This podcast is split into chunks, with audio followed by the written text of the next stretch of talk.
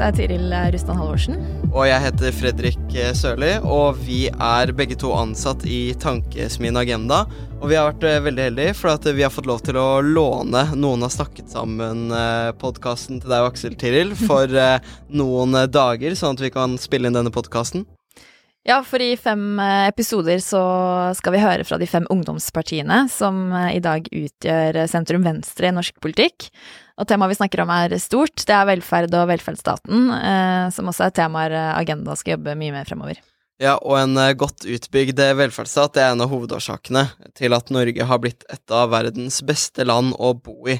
Og for en sterk venstreside så er det veldig viktig å ta vare på velferdsstaten, og ikke minst utvikle den og det er politiske valg som avgjør hva slags velferdsstat og samfunn som vi vil få i framtida.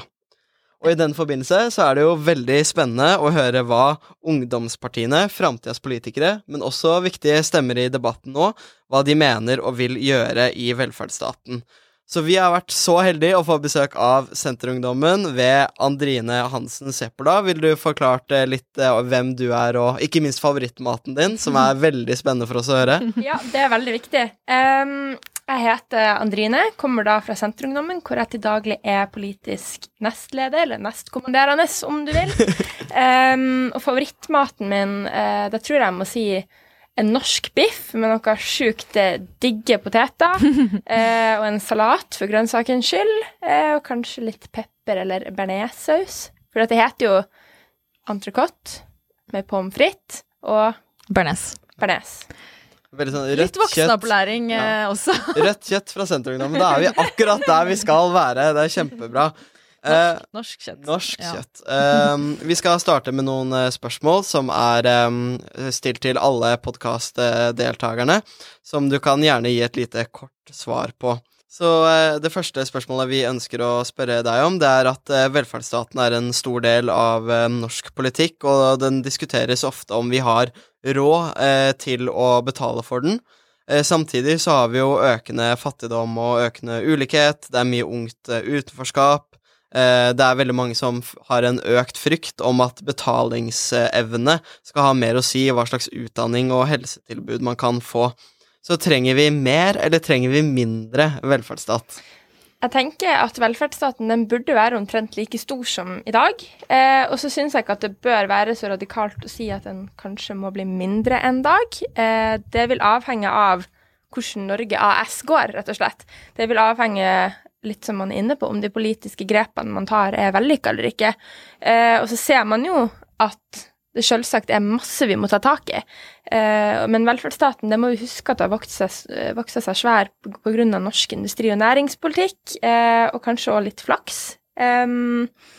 Så det er ikke gitt at vi skal lykkes like godt fremover, eh, men det nivået vi ligger på i dag, er godt. Og så tenker jeg at det viktigste fremover er kanskje å omprioritere.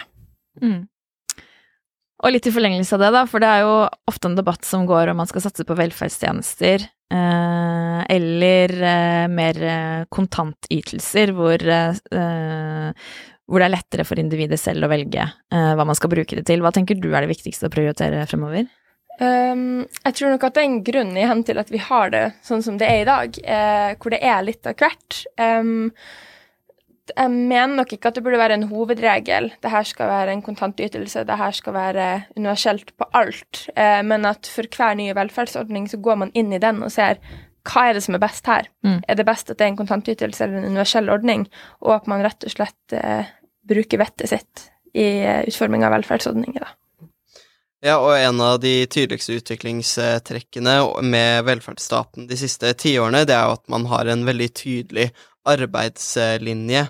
Fordi mer og mer, politikk, mer og mer av politikken har blitt innretta med et mål om at eh, flest mulig mennesker skal i arbeid.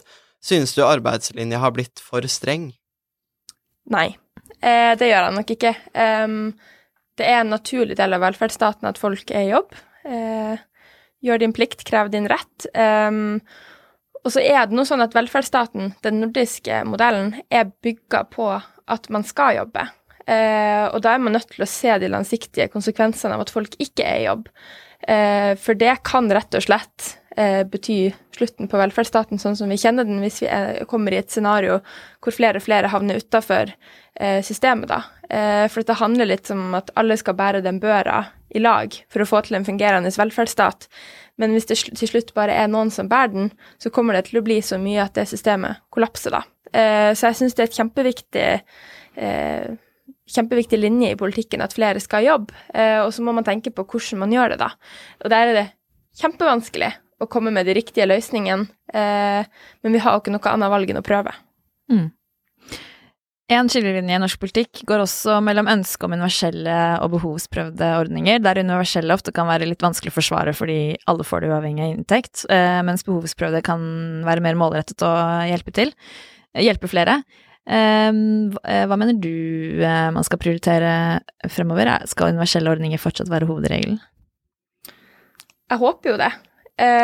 Men det vil jo avhenge av hvordan det går med Norge AS.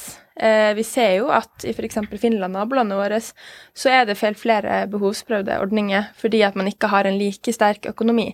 Eh, så da vil jo det avhenge av de andre politiske grepene man tar. Sant? Hvordan klarer vi det grønne skiftet? Eh, hvordan blir det med norsk olje og gass fremover? Får vi en forutsigbar nok økonomi til at vi kan sørge for at vi har en sterk nok velferdsstat?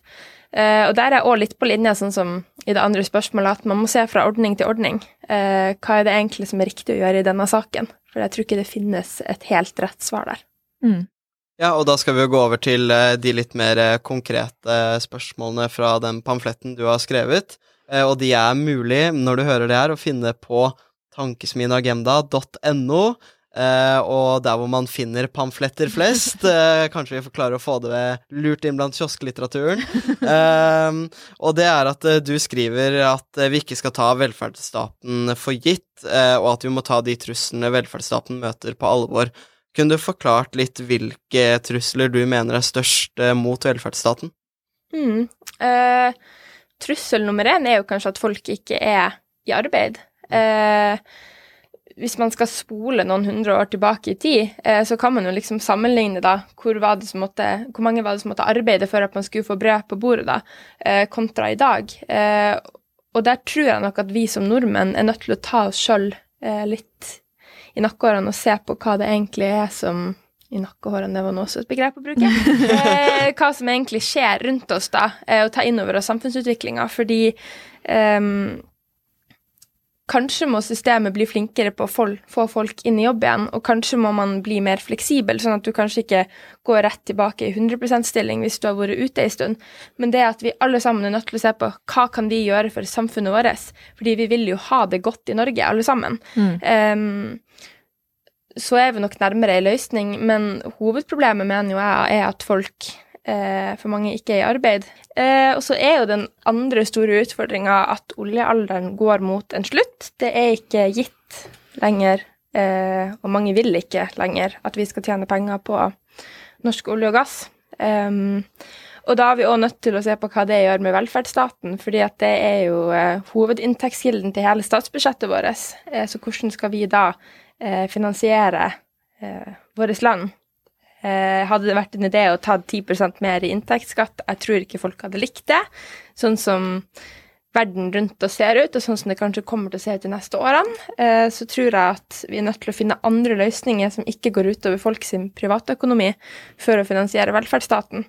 Og da får vi jo et kjempestort dilemma. Er det noe vi må plukke vekk? Fordi at alle ordninger har jo sin funksjon, da. Eh, så jeg mener jo absolutt at det er kjempestore trusler mot mot velferdsstaten. Og så har vi jo en gigasvær til, og det er jo eldrebølgen. Mm. Mm.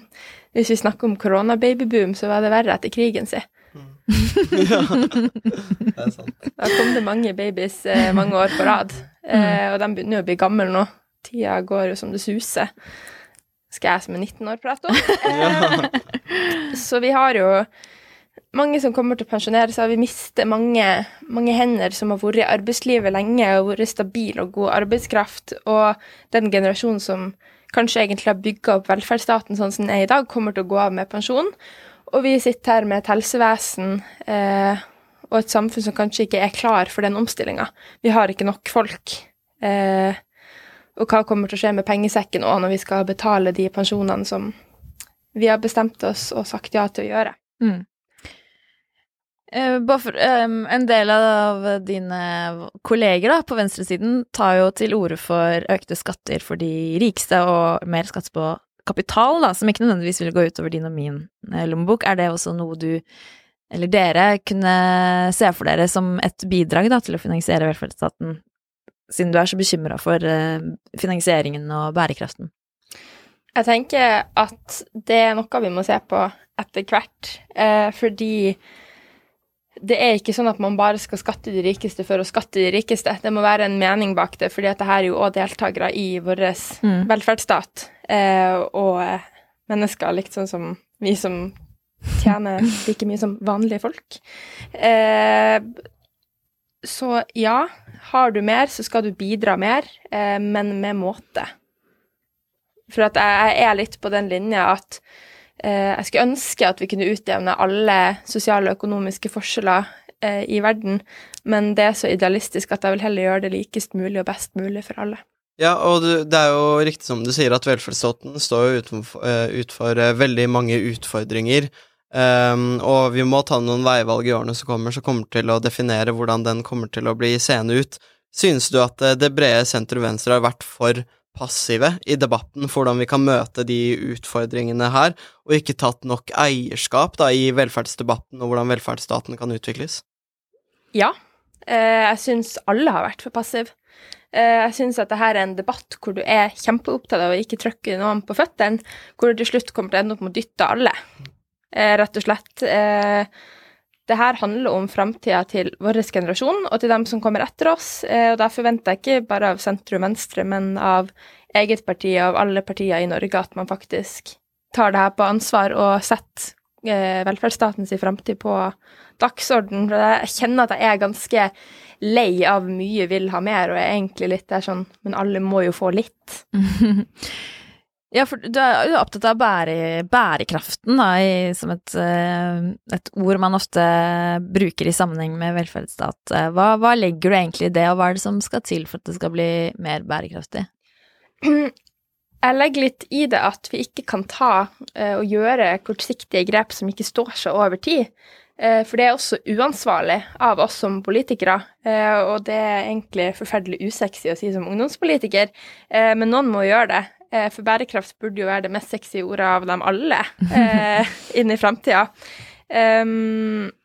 Da kan du jo på en måte se liksom på konsekvensene. Hvis du hadde gjort barnehage totalt gratis for alle, eh, hva hadde konsekvensen vært hvis det hadde gått dårligere i norsk økonomi, og du har ei gruppe i samfunnet som reelt har råd til å betale for det, og så har du noen grupper som kanskje ikke har råd i det hele tatt til å få ungene sine i barnehage. Hvem er det da du skal prioritere? Da mener jeg at det er feil å gjøre den ordninga universell, og heller burde gjøre den behovsprøvd, sånn at de som trenger det, får det. Og det er sånne grep, det er sånn man må tenke da. Hvordan kan det her slå ut om 10-20-30 år for fremtidige generasjoner? Og det mener jeg at alle politikere, også vi ungdomspolitikere, har et ansvar eh, om å tenke sånn, da. Eh, fordi at hvis ikke så kommer ikke vår velferdsstat til å stå seg over tid. Mm.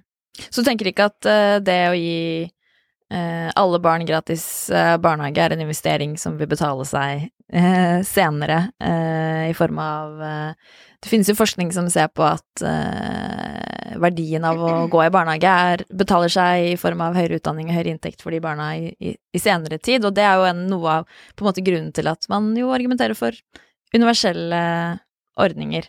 Mm. Men, men du ser ikke på det på den måten nødvendigvis?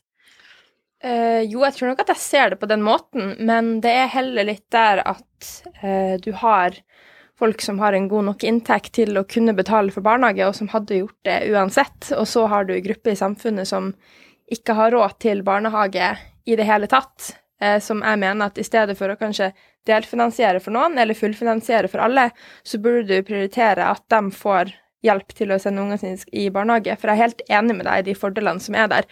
Men vi ser jo òg at det er dem som har foreldre med høy utdanning eh, og høy inntekt, eh, som kommer seg lengst i livet. Eh, så gratis barnehage eller å få hjelp med å, med å, betale barnehagen for dem som ikke har det i dag og har dårlig råd, tror jeg er et klokere grep, da. Eh, I, teksten din så skriver du også om uh, at det er viktig med kompromisser når vi kommer til uh, velferdsstatens utvikling, og at de er brede. Eh, og da lurte jeg litt på hvorfor du mener det er viktig, og også om du ser for deg at det er mulig i en tid der på en måte høyresiden og venstresiden uh, har relativt uh, ulike, hva skal man si, ambisjoner på vegne av velferdsstaten. Mm. Uh, for det første så er jo vi politikere, vi finnes til for å tjene folket. Um, og da mener jeg at vi har et ansvar om å ta valg som er til folk sine beste, beste da. Uh, og noen ganger så betyr det at uh, Senterpartiet, Arbeiderpartiet, Høyre, Frp og gjerne de andre partiene er nødt til å gi litt og ta litt for å finne politiske løsninger og kompromisser, kompromisser som står seg over tid, da.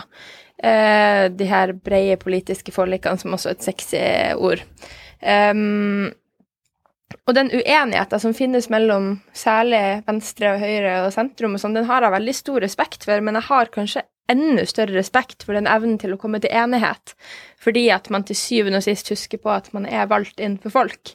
Eh, og da er det ikke så veldig mye annet å si enn at du er nødt til å gi litt og ta litt.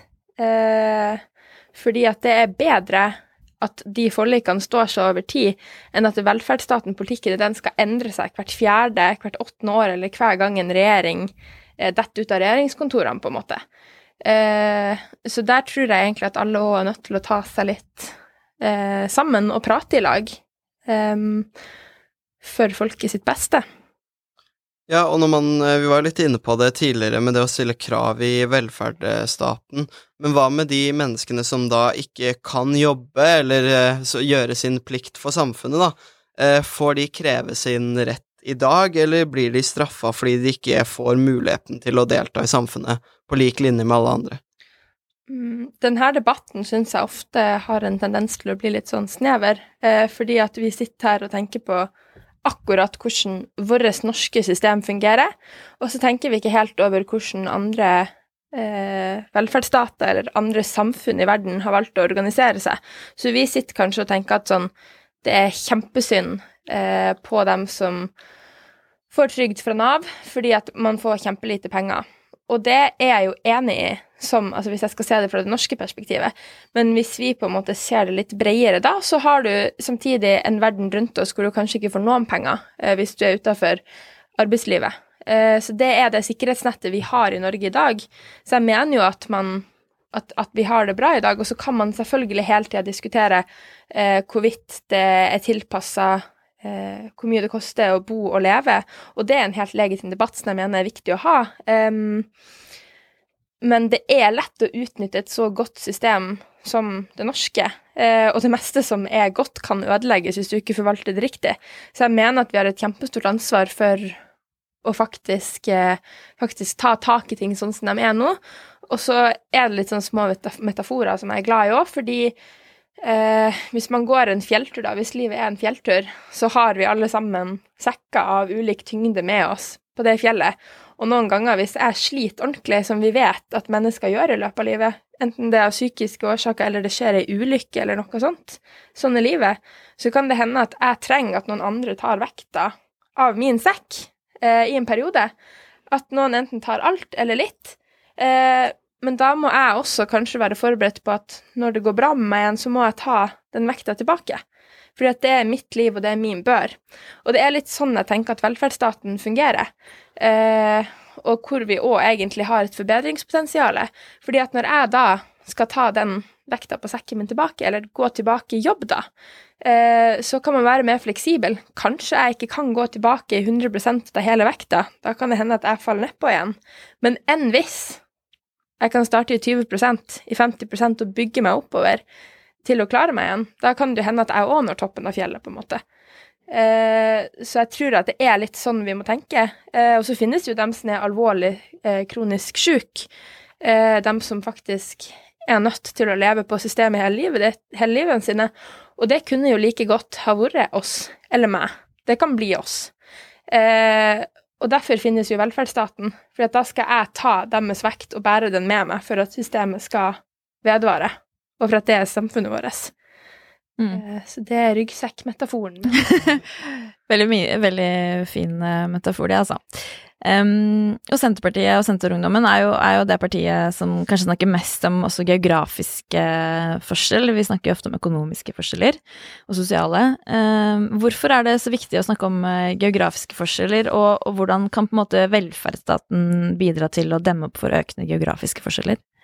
Ja, misforstå meg rett. Uh, jeg tror nok at vi er de eneste som har snakka om det, fordi at i en veldig bred debatt, så er vi de eneste som har tort å løfte det og brydd oss om det. Eh, og jeg tror nok at alle bryr seg om det når, de passer, altså når det passer dem, eh, men vi er nok dem som har løfta den debatten eh, i stor grad, eh, distriktspolitikken. Og det er jo rett og slett viktig fordi vi alle vil at landet eh, At man skal kunne bo hvor de vil, eh, og at landet skal skal se bra ut, rett og slett at vi skal ha levende kulturlandskap, og at vi skal kunne drive landet vårt. Eh, det kan man se i sammenheng med det grønne skiftet. Eh, olje og gass. Hvis vi skal stoppe med det, skal man drive med vindkraft, vannkraft, de nye industriene våre i Oslo eller i Tromsø eller i Trondheim. Det blir vanskelig.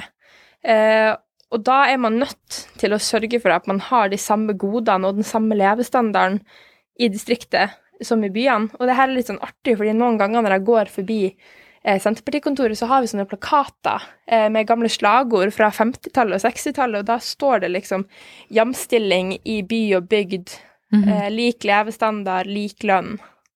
Eh, og det er prinsipper som vi holder fast ved i dag òg, eh, og som jeg er veldig glad for å være i ei regjering som tar på alvor. At det skal være like bra å bo i byen som på bygda, og så ser vi jo, uten å dra den regla som jeg har gjort før, at vi har hatt åtte år hvor det ikke har blitt prioritert, og det ser vi eh, tydelig i distriktene, effektene av. Eh, så velferdsstaten i distriktene, det er ikke noe å kimse med, det er rett og slett avgjørende for hvordan landet vårt blir i framtida. Men, men, hva tenker du er uh, forskjellen? Fordi jeg, uansett hvor jeg bor, så har jeg på en måte de samme rettighetene overfor velferdsstaten. Hva, hvor, hvor, tenker du forskjellene ligger, og hva burde man gjøre med det? Det har jo ofte sammenheng med kommuneøkonomien, eh, hvilke tilbud eh, man er i stand til å levere til folkene som bor der, da. Eh, hvis du sliter med kommuneøkonomien, så er det ikke sikkert at du vil kunne eh, Selvfølgelig, du vil få barnetrygda di og sånn, eh, men vil du kunne få hjelp med SFO og få dekka det hvis du ikke har en SFO-tjeneste som fungerer eh, på grendeskolen? Så der kommer jo aspektet med kommuneøkonomien, og der er det jo kjempeviktig å se forskjeller. Og med velferdsstaten staten spesifikt så kan du jo også se på f.eks. økonomiske intensiver eh, i Nord-Norge, eh, det som heter tiltakssonen i dag. Der har jo Senterungdommen vært veldig offensiv eh, og sagt at vi har lyst til å utvide den tiltakssonen, kanskje etter kartet for differensiert arbeidsgiveravgift som vi har i Norge i dag, og se på distriktspolitiske virkemidler eh, for hvordan vi kan skrive ned studielån til folk, eh, få folk til å flytte, eh, kanskje senke elbilavgifter, alle sånne der ting som kan sørge for at vi får bosetting i hele landet med bruk av velferdsstaten og økonomiske insentiver, da. Mm. En aktiv politikk for lys i husene, rett og slett. Det skal være lys i hvert eneste vindu i hele landet. det syns jeg er en kjempebra ambisjon. Og helt til slutt så er det jo 100 mandater eh, på Stortinget som tilhører det brede sentrum venstre. Eh, man har en helt unik mulighet til å gjøre de endringene som man mener trengs i velferdsstaten. Eh, kan du nevne tre satsinger eh, som eh, du mener må til for å utvikle velferdsstaten videre? Jeg kan nevne helt kort. Én tannhelsereform. To tillitsreform. Og tre studentøkonomi. Herunder både studiestøtte og permisjonsrettigheter for studenter. Tre veldig konkrete og gode planer, ja. Og mye mer. Og mye mer, selvfølgelig. uh, ja, det er gleder oss til. Dere sitter jo med muligheten til å få gjennomført uh, dette. Uh, så Andrine, tusen takk for at du kom til oss. Tusen takk for at jeg fikk lov til å komme.